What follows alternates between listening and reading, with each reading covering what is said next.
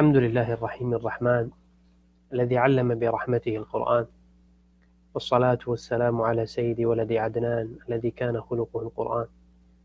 صلى الله عليه وعلى آله وصحبه ومن تبعهم بإحسان وسلم تسليما كثيرا إلى أن يوضع بالقسط الميزان. مرحبا بأهل القرآن الناهلين من معينه والمباركين ببركته. من صدروا منه ووردوا إليه حتى اصطبغوا به ومن أحسن من القرآن صبغة. جعلنا الله وإياكم منه. أيها الإخوة الكرام لقاؤنا اليوم هو اللقاء التاسع من لقاءات نادي تفسير للقراءة.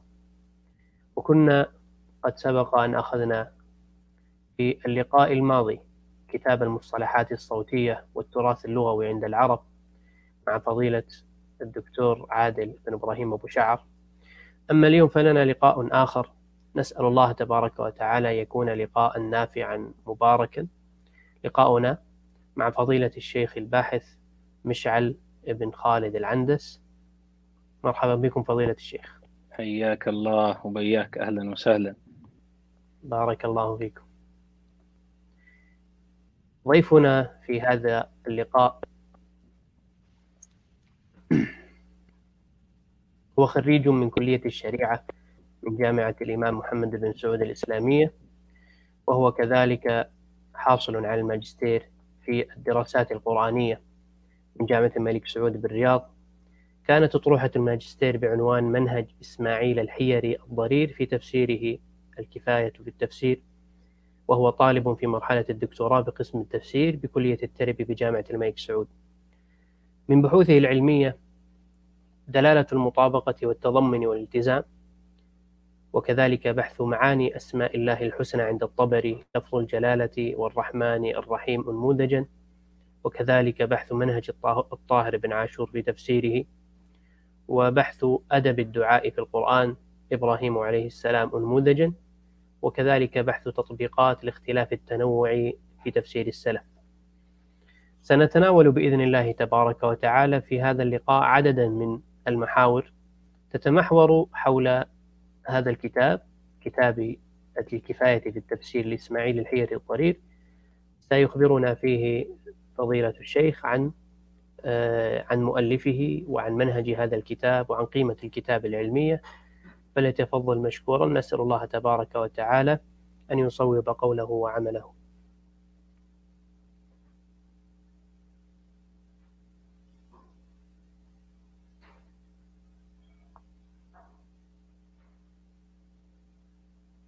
وعليه وعلى آله وصحابته ومن تبعهم بإحسان إلى يوم الدين. أما بعد في بداية هذا اللقاء في الحقيقة آه، أبتدئ بشكر هذا المركز المبارك وهو مركز تفسير للدراسات القرآنية آه، ممثلا بقائد الأستاذ الدكتور عبد الرحمن بن معاذ الشهري وكذلك بقية آه، العاملين فيه. فالحقيقة أن هذا المركز ممن شهد له بالتميز والريادة في الدراسات القرآنية وعامة الباحثين الحقيقة في الدراسات القرآنية في هذا الوقت آه، آه، مستفيدون كثيرا من نتاج هذا المركز ومن آه، مشروعاته العلمية المميزة. فنسأل الله تعالى لهم مزيدا من التوفيق والسداد.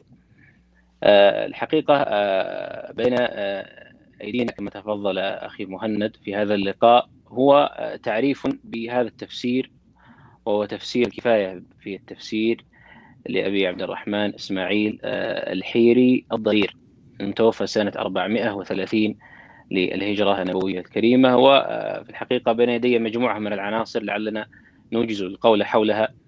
فالهدف من هذا اللقاء هو التعريف بهذا التفسير وبمؤلفه فسنتحدث بإذن الله عن ترجمة مختصرة له. وسنتكلم عن وصف عام لهذا التفسير وننتقل منه إلى منهج المؤلف في تفسيره في جملة من قضايا التفسير وعلوم القرآن. ثم آه، نوجز الكلام حول آه، قيمة هذا التفسير العلمية وأختم إن شاء الله تعالى ببعض المقترحات آه، العلمية. قبل ذلك لا يخفى على شريف علمكم فضيلة هذا العلم الكريم العظيم وهو علم تفسير كتاب الله تعالى وكما تعلمون فشرف العلم بشرف متعلق ومتعلق هذا العلم هو علم التفسير هو كلام الله تعالى فلا شك أنه يشرف بشرف هذا المتعلق. ومعلوم عند كل مسلم أن القرآن الكريم هو المصدر الأول من مصادر التشريع وهو دستور هذه الأمة وهو المنهاج المبين الذي أكرم الله تعالى به هذه الأمة و وحثها في غير ما موضع على تدبره والعمل به. ولا شك أن العمل بالقرآن الكريم متوقف على فهمه فلا يمكن أن أن يتم العمل على الوجه الصحيح إن لم ينبني على فهم صحيح لكتاب الله سبحانه وتعالى. فمن هذا المنطلق ولهذا الأمر وبسببه جرت أقدام العلماء في هذا المضمار وهو مضمار التفسير وبيان معاني كلام الله سبحانه وتعالى. وألفوا في ذلك المؤلفات الكثيرة الكبيرة المتنوعة الممتدة على امتداد هذه الأمة زمانا ومكانا من لدن عصر النبوة وما بعد عصر الصحابة والتابعين حتى وقتنا هذا وما زال وما زال العلماء يحاولون و يعني يصنعون هذه المشاريع التي تنتظم في قضية محاولة تقريب كلام الله تعالى وتفسيره وبيان معناه. ولكل تفسير من هذه التفاسير لا شك صبغة خاصة به ولا شك أن لكل تفسير طابعا مختلفا وميزة تميزه عن غيره. فبناء على هذا يمكن أن نقول أن كل تفسير لكتاب الله تعالى فلا شك أنه ينبغي أن يكون محل عناية حتى يستفاد مما تميز به هذا التفسير ومما اتسم به وزاد فيه على على غيره. فنحن في صدد التعريف بهذا التفسير بين أيدينا هو تفسير الكفاية وبيان ما فيه من ميزات و يعني قضايا تميز بها. استاذنكم في أن نبدأ اولا بترجمة مختصرة لهذا الإمام وهو إسماعيل الضرير. ونسلط الضوء على شيء من حياته رحمه الله تعالى فهو إسماعيل بن أحمد بن عبد الله الحيري النيسابوري ينسب إلى الحيرة والحيرة هي محلة وموضع بنيسابور وسميت بالحيرة كما ذكر في كتب تراجم التاريخ لأن أجداد محدث مشهور كانوا يسكنون حيرة الكوفة المشهورة فانتقلوا من حيرة الكوفة إلى خراسان واستقروا في موضع فيها فنسبت هذه المحلة بخراسان وهذا الموضع إليهم فأصبحت يقال لها الحيرة أيضا وإليها ينسب هذا الإمام وهذا العالم وهو إسماعيل رحمه الله تعالى يكنى بأبي عبد الرحمن ويلقب بالضرير لأنه كان فعلا مكفوفا رحمه الله تعالى وقد ترجم له بعض من ترجم للعلماء الذين فقدوا بصرهم. ولد رحمه الله في سنة 61 و300 للهجرة في شهر رجب. وابتدأ طلب العلم رحمه الله تعالى مبكرا ومما يشير إلى تبكيره في طلب العلم ما ذكره في ثنايا حديثه أو إسناده عن بعض شيوخه أنه سمع منه في سنة معينة حددها فبحساب هذه السنة مع ولادته تبين أن عمره زمن سماع ذلك الحديث 17 عاما. ولا شك أن هذا العمر عمر مبكر يشير إلى حرص هذا العالم رحمه الله تعالى بده المبكر في طلب العلم رحمه الله تعالى. وقد رحل كما رحل العلماء في قديم الزمن وحديثه في طلب العلم فرحل إلى بغداد وهي من أشهر الحواضر الإسلامية.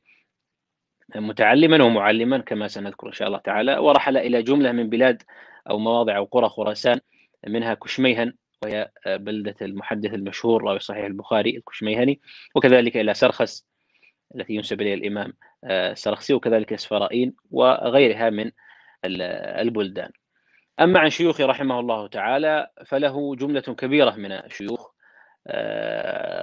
جمعت لنا أو أعطت لنا كتب التراجم مجموعة وأظهرت لنا مجموعة من من شيوخه يقربون من أربعين شيخا وهذا عدد أيضا كبير ولا شك أن ذلك ليس على سبيل الحصر بل ما تذكره كتب التراجم لا يلزم منه الحصر. فقد يكون استفاد رحمه الله تعالى من جملة أكبر من هؤلاء. نذكر على سبيل المثال من شيوخه والده أحمد بن عبد الله الحيري رحمه الله تعالى فقد أسند عنه في تفسيره هذا. ومن شيوخه ابن حبيب النيسابوري الحسن بن محمد بن حبيب بن أيوب, بن أيوب وهو مفسر مشهور له تفسير معلوم استفاد منه كثيرا وسنتطرق إليه إن شاء الله تعالى. وقد توفي في سنة 6 و400 من شيوخه رحمه الله أبو علي السرخسي زاهد بن أحمد بن محمد بن عيسى آه، فقيه آه، خراسان متوفى عام 89 و300 للهجرة. من شيوخه أبو الطيب العجلي رحمه الله تعالى وهو من شيوخ الشافعية وقد عده بعض أهل العلم من مجددي ذاك القرن. أبو الطيب العجلي سهل بن محمد بن سليمان المتوفى عام 400 ومن شيوخه ابن فورك محمد بن الحسن الأصبهاني المشهور صاحب التفسير وقد أفاد منه. من شيوخه أبو عبد الرحمن السلمي محمد بن الحسين بن محمد آه، المتصوف صاحب آه، حقائق التفسير المشهورة وقد أفاد منه.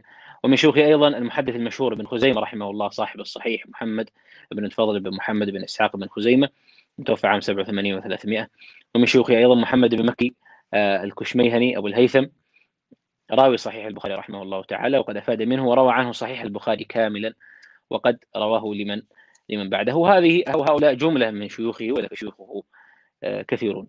أما تلاميذه رحمه الله تعالى فلم تنقل إلينا كتب التراجم آه، حديثا عن تلاميذه سوى آه، من رووا عنه أثناء تفسيره إلى ما كان من تلميذ من تلاميذه وهو من مشاهير علماء الأمة وهو الخطيب البغدادي المحدث المشهور رحمه الله تعالى فقد تتلمذ على إسماعيل الحيري الضرير وأخذ عنه صحيح البخاري في ثلاثة مجالس وقد ذكر هذا في تاريخ بغداد آه، رحمه الله تعالى ولا شك أن هذا من دلائل آه، الجد في طلب العلم حيث آه، قرأ عليه صحيح البخاري في ثلاثة مجالس تبدأ من المغرب وحتى الفجر وهذا وقت طويل. وقد ترجم له وأثنى عليه وسنذكر شيئا من كلام الخطيب رحمه الله عن شيخه إسماعيل.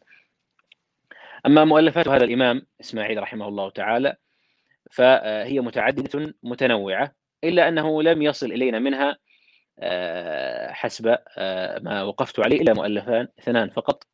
أولهما هذا التفسير الكفاية في التفسير وهو أشهر مؤلفاته وذكره جميع من ترجم له.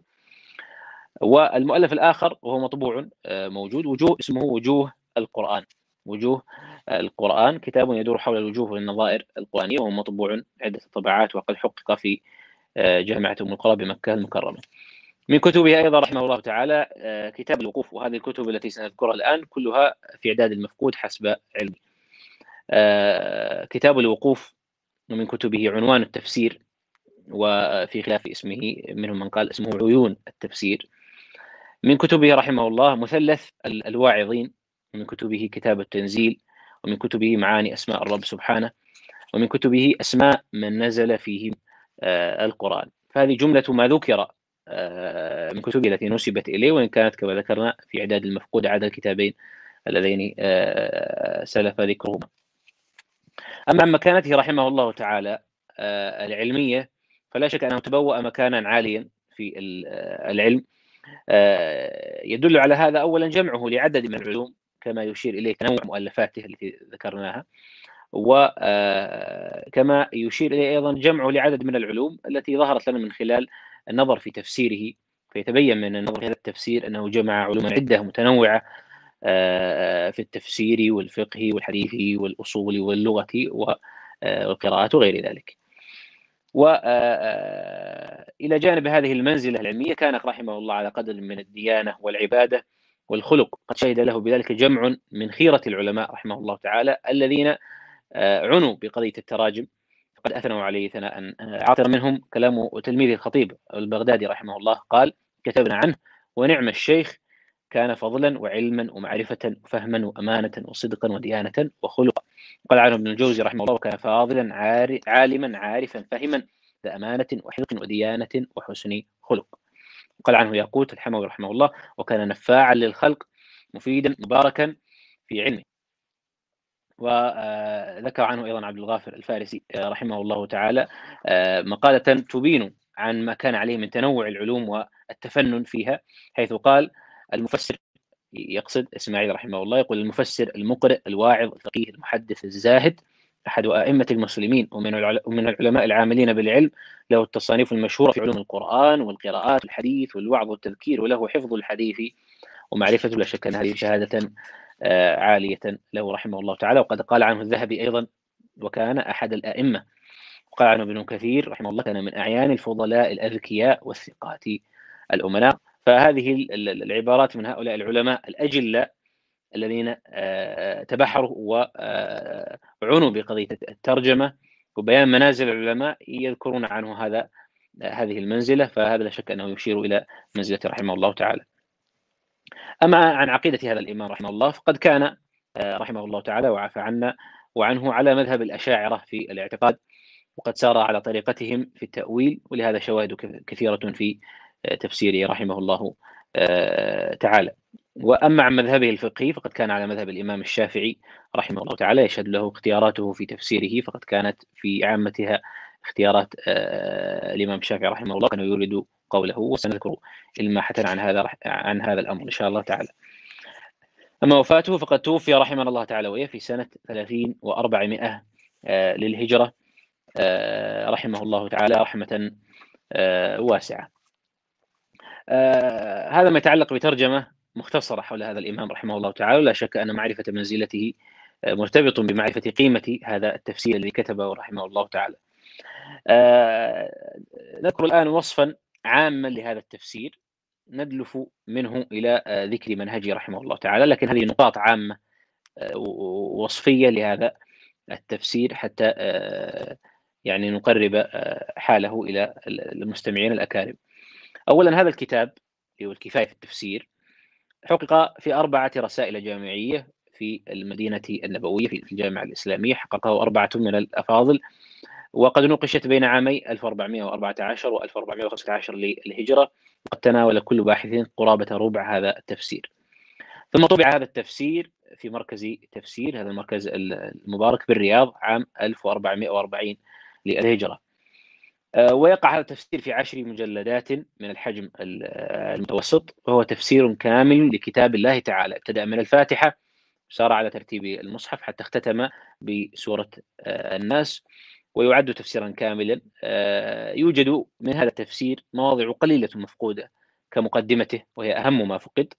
فحتى الآن لا لا توجد مقدمته حسب علمي. وكذلك هناك 13 آية من سورة البقرة مفقود تفسيرها وكذلك آية واحدة من سورة النساء. فقط هذا هو المفقود. لا يعد هذا المفقود في الحقيقة يعني شيئا كبيرا بل هو قليل سوى ما كان من أمر المقدمة العلمية فقد تكون هي أهم المفقود. لا سيما وأن العادة جرت أنها تحوي على قضايا علمية ذات أهمية ومكانة.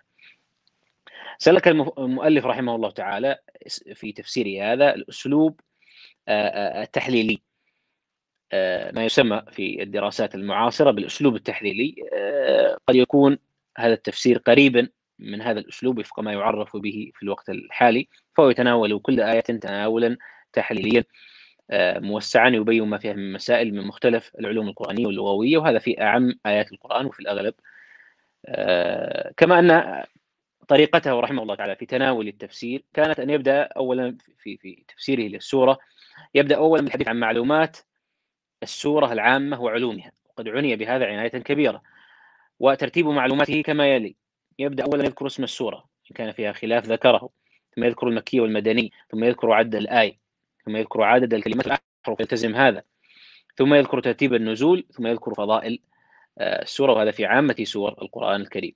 ثم ينتقل بعد ذلك إلى تفسير الآيات فيبتدئ بها آية آية.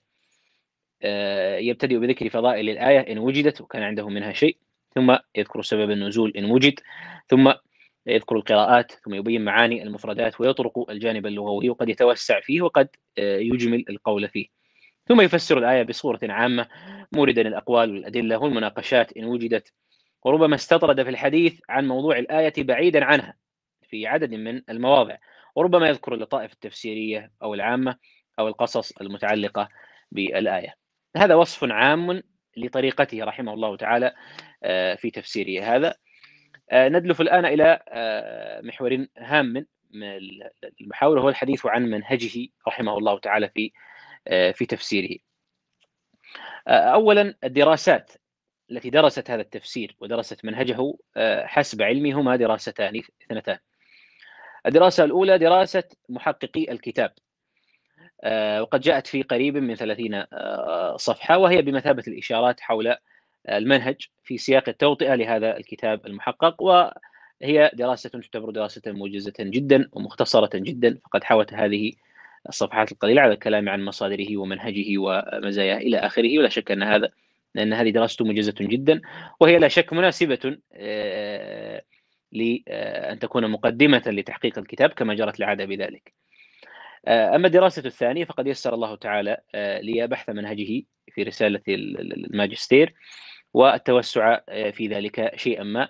فقد تطرقت لبضعة عشر نقطة من نقاط أو من قضايا التفسير وعلوم القرآن ودرستها في في تفسيره وحاولت أن أبين منهجه وآراءه في هذه القضايا المتعددة.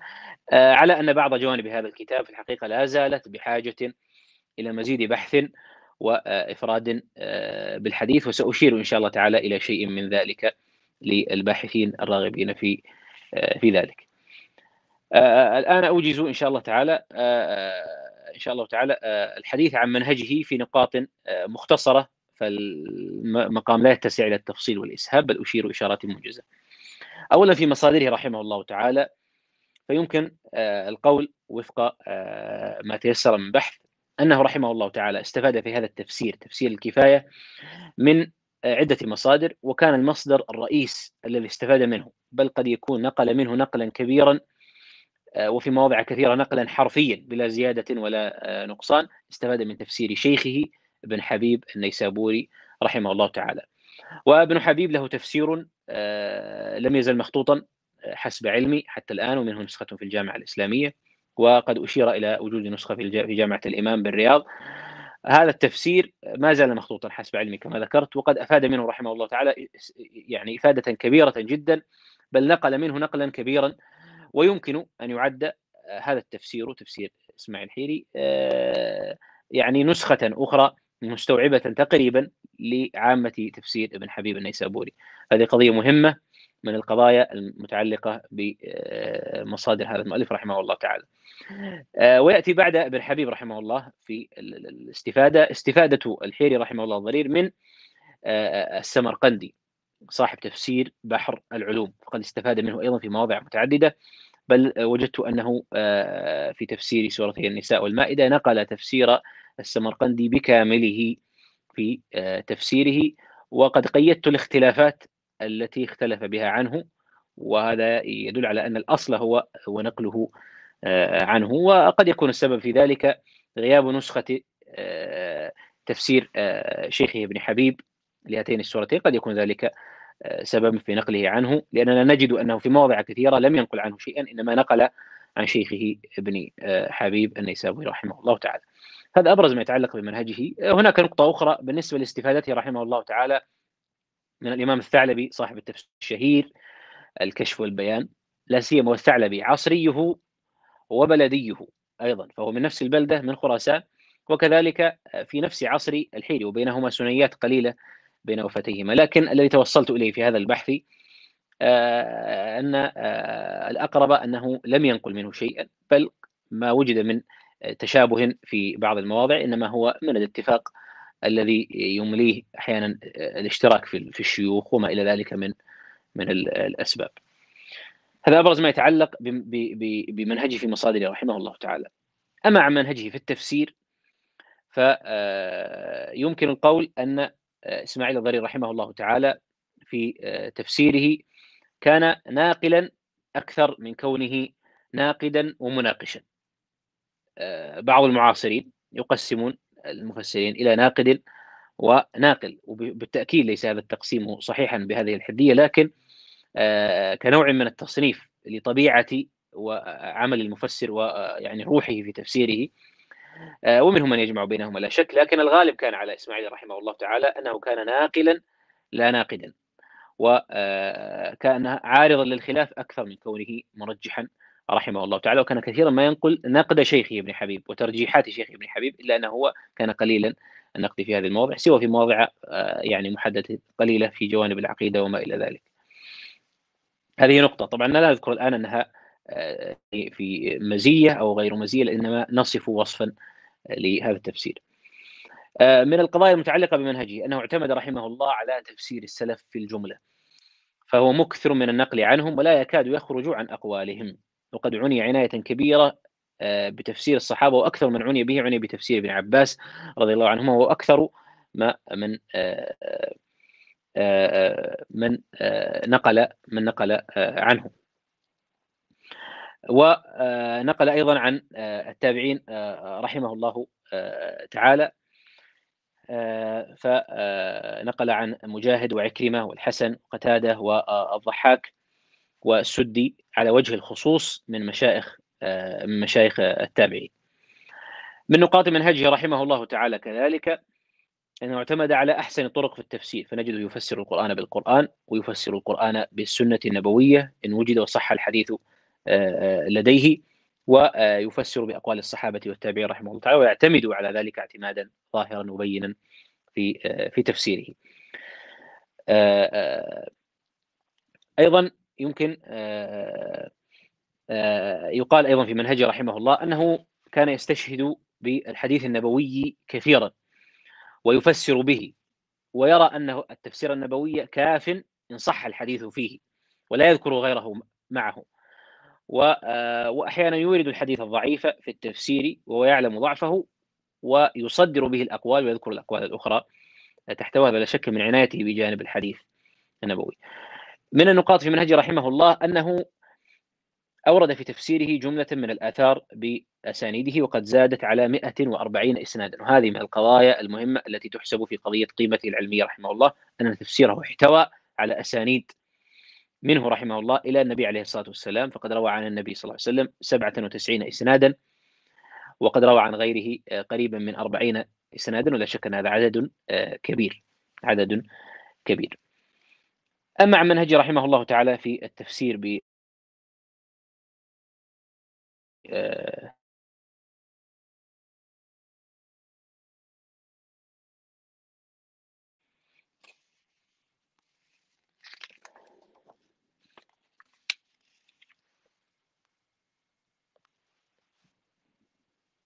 أخي مهند الصوت واضح نستمر؟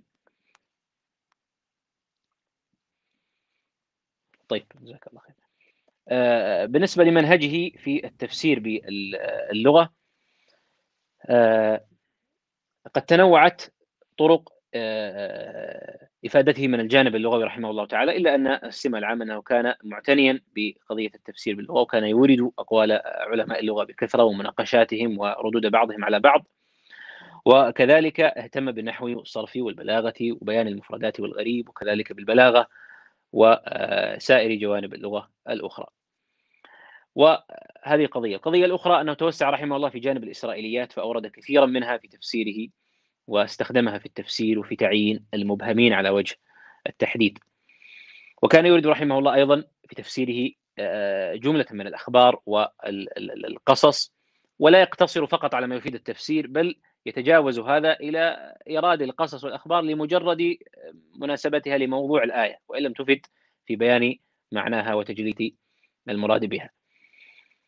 ومن نقاط منهجه أيضا رحمه الله أنه أورد جملة من الأقوال في التفسير الإشاري واستعمل هذا المصطلح وهذه قضية مهمة ومفيدة أنه استعمل هذا المصطلح مصطلح التفسير الإشاري فكان يقول وفي الإشارة كذا وكذا فهو مستعمل لهذا المصطلح وهو يصنف هذه الأقوال ضمن هذا المصطلح فيذكرها بعد أن يصدرها بهذا العنوان.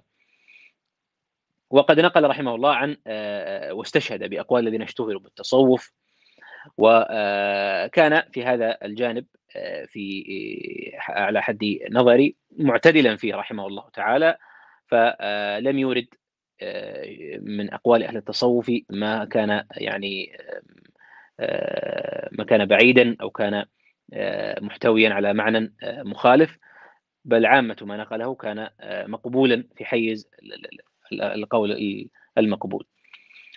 كما أنه رحمه الله تعالى عني بعلوم القرآن على وجه التحديد وعني بأسباب النزول والمكي والمدني والقراءات والناسخ والمنسوخ وعلوم السورة قد سبقت الإشارة قبل قليل إلى هذا.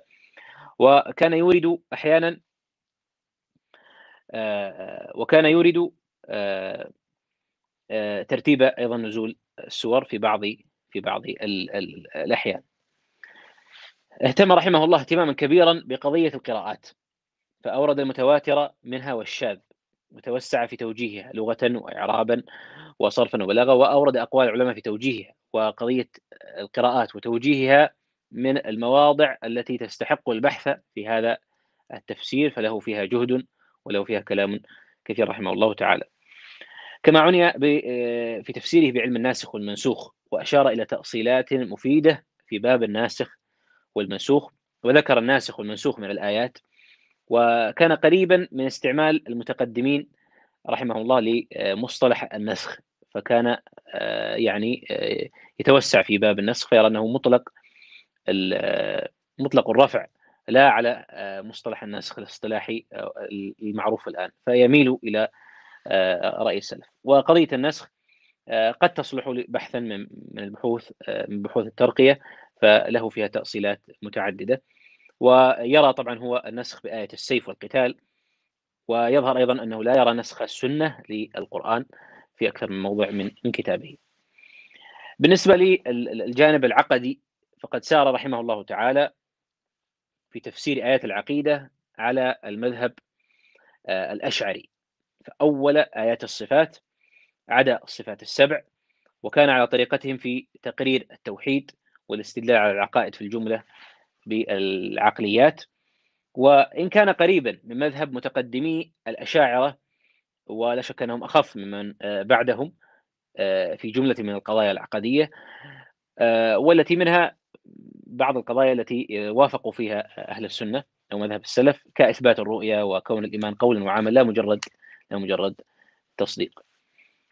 أما بالنسبة لقضية الجانب الفقهي لديه رحمه الله تعالى فكان شافعي المذهب كما أسلفنا وكان يورد قول الإمام الشافعي رحمه الله بل لا يخلو موضع من مواضيع تفاسير آيات الأحكام إلا ويورد فيه قول الشافعي وكثيرا ما كان يكتفي بقول الإمام الشافعي رحمه الله آه، تعالى وكثيرا ما يرجح رأيه ولو لو أورد معه لو أورد معه آه، آه، غيره.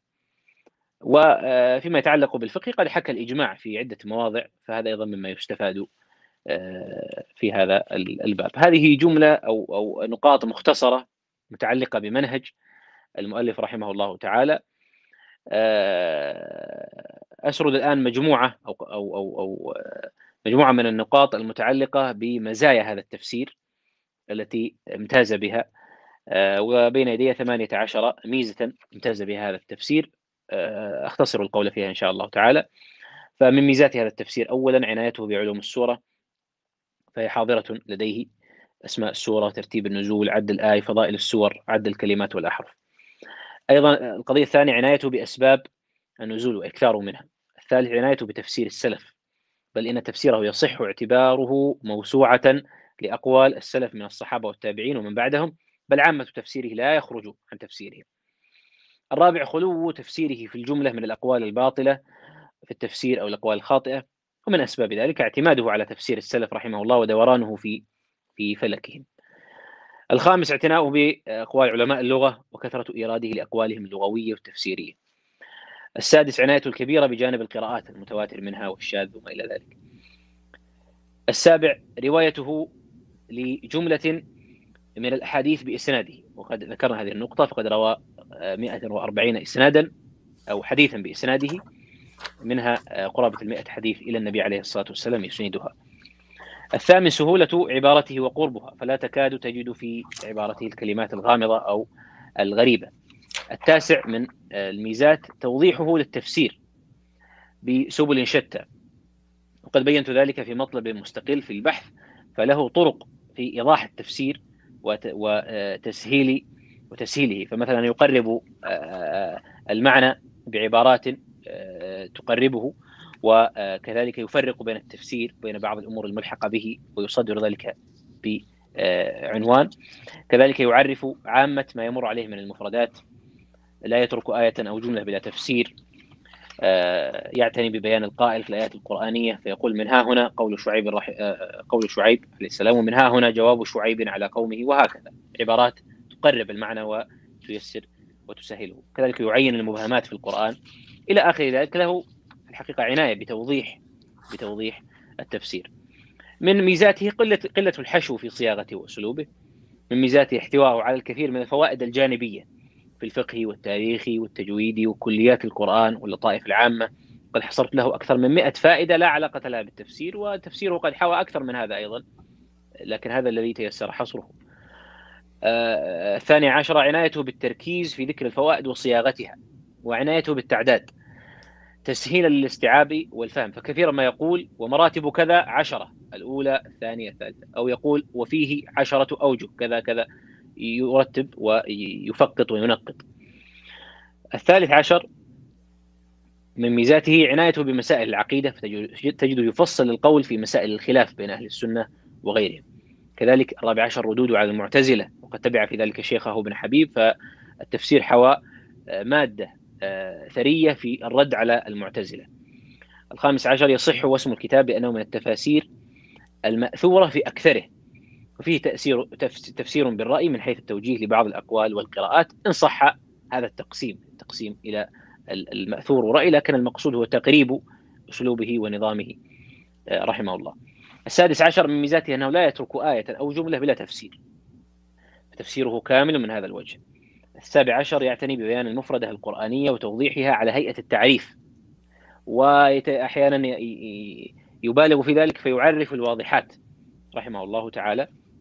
الثامن عشر تميز بفك بحسن فك العبارة في الآية فيبين ما فيها من تقديم وتأخير ويعيد نظم الآية كثيرا فيقول ونظمه كذا كذا. آه، ويذكر ما في الآية من أمور مقدرة وما إلى وما إلى آه، ذلك. آه، الأخير في قضية المنهج وما يتعلق به أذكر نقاطا في بعض هي أو, أذكر نقاطا في ما يؤخذ على تفسيره رحمه الله تعالى وهي نقاط ليست كبيرة. أكبرها وأبرزها قضية مخالفة رحمه الله تعالى منهج أهل السنة في الجانب العقدي واتباع مذهب الأشاعرة في التأويل. هذا أبرز ما يلحظ على تفسيره. الثاني قد يؤخذ عليه توسعه في بيان المبهمات واعتماده على ما لا يصح الاعتماد عليه وما لا يوثق الاعتماد عليه. الثالث وجود جملة من الآثار الضعيفة والواهية والموضوعة في تفسيره ومنها حديث أبي بن كعب في فضائل السور آه، المشهور وكذلك يكثر إيراد رواية الكلب عن أبي صالح وهذه تكلم فيها بعض أهل العلم الرابع من المآخذ عليه وجود جملة من التفاسير المخالفة والخاطئة وهي ليست كثيرة. الخامس توسع في ذكر فضائل وأمور لا دليل عليها مما يحتاج مثله إلى إلى دليل. السادس ضعف عنايته بالترجيح فنادرا ما يرجح. وعامة ترجيحاته هي مستقاة من شيخه ابن حبيب النيسابوري. السابع كونه ناقلا أكثر من كونه ناقدا آه، ومناقشا. ونقله من كثير من المصادر دون الإضافة على ما ينقله وقد آه، سبقت الإشارة إلى هذه القضية وكيف أنها قد لا تعد ماخذا على كل حال. هي إن كانت في الدراسات المعاصرة قد تعتبر ماخذا لكن في مثل هذا التفسير قد لا يعد هذا ماخذا لأنه حتى لو كان هذا التفسير يغلب عليه النقل إلا أنه يضفي قيمة علمية كبيرة جدا لا سيما وهو متقدم الزمن. فكثير من التفاسير وحتى في سائر الكتب في العلوم الشرعية المتنوعة قد آه، تذهب كثير من الكتب المنقول عنها والمستفاد منها وتبقى الكتب الناقلة الناسخة فلا شك أن له فائدة آه، كبيرة. آه، هذه أبرز ما ما يمكن أن يقال في ما يؤخذ على هذا التفسير. بقي نقطتان فقط وأختم حديثي معتذرا على الإطالة. آه، اولا آه، ما يتعلق بقيمة هذا الكتاب العلمية. قيمة هذا الكتاب العلمية يمكن أن تبرز هذه القيمة في نقاط متعددة. أول النقاط التي تبين قيمته تقدم زمن مؤلف هذا التفسير. فمن المعلوم أنه من مفسري القرن الخامس الهجري متوفى عام 430 للهجرة التفسير من تفاسير القرن الخامس وهو تفسير متقدم جدا فهذه أبرز آه، القضايا المتعلقة بقيمته آه، آه، العلمية. ولا شك أن تقدم زمن الكتاب بحد ذاته يزيد من قيمته بغض النظر عن كون مضمونه ذا قيمة كبيرة أو ليست كبيرة بالمقاييس العلمية. الثاني مما يبين قيمته سعة المادة العلمية فيه فهو تفسير ليس مختصرا في عشر مجلدات وواسع المعلومات. لا شك أنه هذه نقطة آه، مهمة في القيمة. آه، النقطة الثالثة تنوع المادة العلمية. النقطة السابقة السعة النقطة الثالثة التنوع تنوع هذه المادة العلمية فلا نجدها منحصرة في جوانب محددة من جوانب علوم القرآن بل هي واسعة ففيها فنجد في هذا التفسير جملة كبيرة من الآثار المسندة وغير المسندة ونجد أقوال تفسيرية كثيرة ونجد أخبارا وقصصا ونجد آراء فقهية كثيرة ونجد فيها الكثير من القراءات وعلوم اللغة العربية نحوا وصرفا وبلاغة ومعلومات في علوم القرآن إلى آخر ذلك فمعلومات متنوعة جدا فهذا يضفي قيمة كبيرة على هذا الكتاب من الناحية العلمية. الرابع آه، يمكن أن نقول وجود شيء من التوازن في العلوم المطروحة في الكتاب. فكثير من التفاسير آه، يعني سلكت سبيلا أو بابا أو اختارت علما أو جانبا تمي يعني ركزت الكلام فيه. بينما لا نجد هذا في هذا التفسير بل نجد هناك اتزانا في في في وتنوعا في هذه العلوم فلا فلم يطغى بعضها على بعض. هذا الكلام على وجه الإجمال. آه الخامس من النقاط التي تجلي أهمية هذا الكتاب وقيمته العلمية نقل العلماء رحمهم الله تعالى عنه والذين نقلوا عنه جملة من أكابر العلماء رحمهم الله تعالى وهذا يضفي عليه قيمة فنذكر من ذلك من الذين نقلوا عنه الإمام ابن الصلاح رحمه الله تعالى فقد نقل آه، عنه في طبقات الشافعية. وكذلك النووي رحمه الله تعالى نقل عنه في أكثر من موضع في كتابه التبيان وفي كتابه المجموع. وكذلك آه، أبو حيان رحمه الله تعالى فقد نقل عنه في قريب من عشرة آه، مواضع في تفسيره. وكذلك الزركشي رحمه الله نقل عنه في موضع واحد وابن الملقن نقل عنه رحمه الله تعالى وكذلك السيوطي. هؤلاء جملة من العلماء نقلوا عنه آه، بعض آرائه أو بعض كلامه. فهذا ما يزيد من قيمة هذا الكتاب العلمية ويجليها. أختم حديثي ببعض المقترحات العلمية لإخوتي وأساتذتي من الباحثين في هذا المجال ومجال الدراسات القرآنية. آه، بعضها سبق ذكره لكن أعيده على وجه الاختصار. آه، قضية آه، بحث جانب النسخ في تفسير الكفاية. قد يبلغ أن يكون بحث بحث ترقية ففيه تأصيلات وفيه وفيه جوانب متعددة. كذلك قضية القراءات في تفسيره فهي محل للبحث ففيه مادة ثرية وغنية بالقراءات وتوجيه القراءات. آه، آه، من الاقتراحات في الحقيقة التي آه، أقترحها وهي وأراها مهمة تحقيق تفسير ابن حبيب النيسابوري. تفسيره لم يزل على حسب علمي ووفق بحثي لم يزل مخطوطا حتى الآن والقطعة المخطوطة منه وقد اطلعت عليها ولدي منها نسخة وهي في الجامعة الإسلامية بالمدينة وقد بلغني أنه توجد منه نسخة أيضا في جامعة الإمام محمد بن سعود بالرياض. آه، تفسير ابن حبيب الموجود المخطوط آه، قطعة كبيرة من سورة الأنفال حتى سورة الزخرف. وهذه قطعة كبيرة جدا وواسعة. وابن حبيب الحقيقة تميز بميزات من أبرزها آه، سعة مصادره ومن أبرزها تميز جانب النقد لديه. فلديه حس نقدي عال ولديه قوة في الترجيح وفي المناقشة. فلا شك أن آه، تحقيق تفسيره مطلب. والأمر الثاني مما يقترح دراسة جانب الترجيحات آه، ترجيحات ابن حبيب رحمه الله. والثالث دراسة مصادر آه، ابن حبيب رحمه الله خصوصا التي قال فيها رأيت في بعض التفاسير أو رأيت في المعاني أو رأيت في كذا وكذا. وقد نقل عنه إسماعيل الضرير كثيرا في في تفسيره آه، كما سبق. فأشير إلى هذه النقطة وأؤكد أؤكد عليها. الأخير من المقترحات دراسة استنباطات آه، الإمام السمرقندي رحمه الله في تفسير بحر العلوم. فقد عني بها إسماعيل الضرير ونقل منها كثيرا في تفسيره وهي آه، استنباطات قيمة وليس لدي علم هل بحث هذا الباب أو لم يبحث قضية الدراسات دراسة استنباطات السمرقندي. لكن إن لم تكن قد بحثت فهي مظنة مظنة مظنة للبحث. هذا ما عندي حقيقة مما يتعلق بهذا التفسير المبارك وهو تفسير الكفاية. آه، يعني حاولت أن ألخص الكلام عنه وأن أجيزه في هذه النقاط السابقة. فما كان من صواب فهو من الله تعالى وحده وما كان من خطأ فهو من نفسي والشيطان وأعتذر منه. ثم أعتذر إليكم عن الإطالة. والله أعلم. وصلى الله على محمد وآله وصحبه أجمعين. جزاكم الله خير فضيلة الشيخ. كتب الله أجرك ونفع بما قلتم. آمين. آه، قبل أن نذكر عددا من الأسئلة التي وردت إلينا نذكر يعني ملخصا سريعا لما ذكره فضيلة الشيخ وتناوله في في هذا هذه العجالة. ذكر وفقه الله أن العمل بالقرآن متوقف على الفهم أن لكل كتاب في التفسير ميزة ينبغي أن يكشف عنها ويستفاد منها. ذكر من الفوائد أن من تلاميذ صاحب الكتاب هو الخطيب البغدادي. له كتابان كتابه في التفسير هذا وكتاب آخر في الوجوه والنظائر بعنوان وجوه القرآن. مما اهتم به صاحب الكفاية في التفسير علوم القرآن خصوصا علوم السورة وأسباب النزول. ومن مصادره في تفسيره تفسير شيخه ابن حبيب النيسابوري وتفسير السمرقندي بحر العلوم.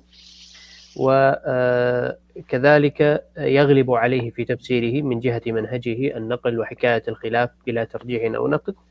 اعتمد تفسير السلف ولا يكاد يخرج عن أقوالهم. اعتمد تفسير بالسنة له أسانيد يحكيها منه إلى النبي عليه الصلاة والسلام. وظف الإسرائيليات وظف اللغة استعمل التفسير الإشاري اهتم بالقراءات.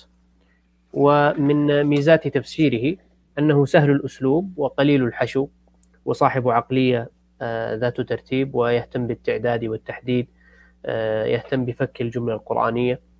وقد أنهى فضيلة الشيخ هذا الكلام الماتع بمقترحات علمية بحثية. بأن يبحث النسخ عند صاحب الكفاية في التفسير وكذلك قراءات. وتفسير ابن حبيب وهو أحد مصادر كتاب الكفاية في التفسير ينصح فضيلة الشيخ أن يحقق وأن تبحث ترجيحاته ومصادره. وكذلك المصدر الآخر السمرقندي كتاب بحر العلوم للسمرقندي تبحث استنباطاته. هذا جملة ما أورده وفقه الله تبارك وتعالى وكان لقاء ماتعا وفيه من الفوائد الشيء الكثير. نقف الآن مع عدد من الأسئلة التي وردت إلينا في هاشتاج النادي. من الأسئلة هنا يقول هل من المفيد هل ترى أن من المفيد الموازنة بين هذا التفسير وبين تفاسير نيسابورية أخرى كتفسير الواحد مثلا البسيط ونحو ذلك؟ نعم هذا سؤال طيب. وفاتني أيضا أن أذكر مع أنني دونته آه نعم آه قد يكون من المفيد آه دراسة آه دراسة وصفية عامة لمناهج المفسرين النيسابوريين رحمهم الله تعالى. فنجد لدينا من النيسابوريين من المفسرين الثعلبي رحمه الله من أشهرهم وإسماعيل الضرير وكذلك السمرقندي وكذلك ابن ابن حبيب رحمه الله تعالى. فأرى أن هذا الباب ينبغي أن أن يطرق بالبحث والوصف وما مدى تأثير بعضهم على بعض وما مدى استفادة بعضهم على بعض. ونقطة أخرى كنت أتساءل عنها لكن هي في الحقيقة ينبغي أن أن تنظر وأن تبحث ما مدى تأثير تفسير الطبري رحمه الله تعالى على تفاسير النيسابوريين؟ عموما وعلى تفسير إسماعيل الضرير. خصوصا الحقيقة ليس لدي يعني إجابة عن هذا السؤال لكني أطرحه للباحثين. طيب فضيلة الشيخ هنا سؤال نختم به. يقول هل آه ترى أن تأثير عقيدة صاحب الكفاية في التفسير كان كبيرا في كل المواضيع أم أنه قد يعني آه ترك مذهبه في بعض المواضيع؟ لا كان في الجملة مضطردا في هذا المذهب مذهب التأويل لهذه الصفات السبع والذي لم يضطرد فيه فقط هو ما ذكرت من قضية كونه يميل إلى مدرسة متقدمي الأشاعرة بالحسن الأشعري ومن تبعه ولا شك أن كما هو معلوم في يعني تاريخ الأشاعرة أن متقدم أو أن متقدمي الأشاعرة كانوا أقرب إلى مذهب أو منهج أهل السنة والجماعة من ممن بعدهم من المتأخرين. فنجد لدى متقدمي الأشاعرة جملة من القضايا اتفقوا فيها مع أهل السنة. فهذا هو أو هذه القضية التي نجد أيضا سلكها إسماعيل الضرير أنه كان موافقا لأهل السنة في هذه في هذه الجوانب وهذه المواضع. وسببه هو كونه يعني يميل إلى مدرسة متقدمي الأشاعرة أما بالنسبة للصفات أو آيات الصفات فطرد في منهجه فيها في في جميع القرآن. جزاكم الله خيرا فضيلة الشيخ. بارك الله فيكم. نسأل الله سبحانه وتعالى أن يجعل ما قلتم في ميزان حسناته آمين. بارك الله جزاك الله خير. شكرا لكم الله يحفظك شكرا لك. وإياك. الله يبارك فيك. نعم. والشكر موصول لكم أيها الأخوة المشاهدون. ونسأل الله تبارك وتعالى أن ييسر لنا لقاء قادما نأخذ فيه كتابا آخر من كتب هذا العلم المبارك من الكتب المختصة بالدراسات القرآنية.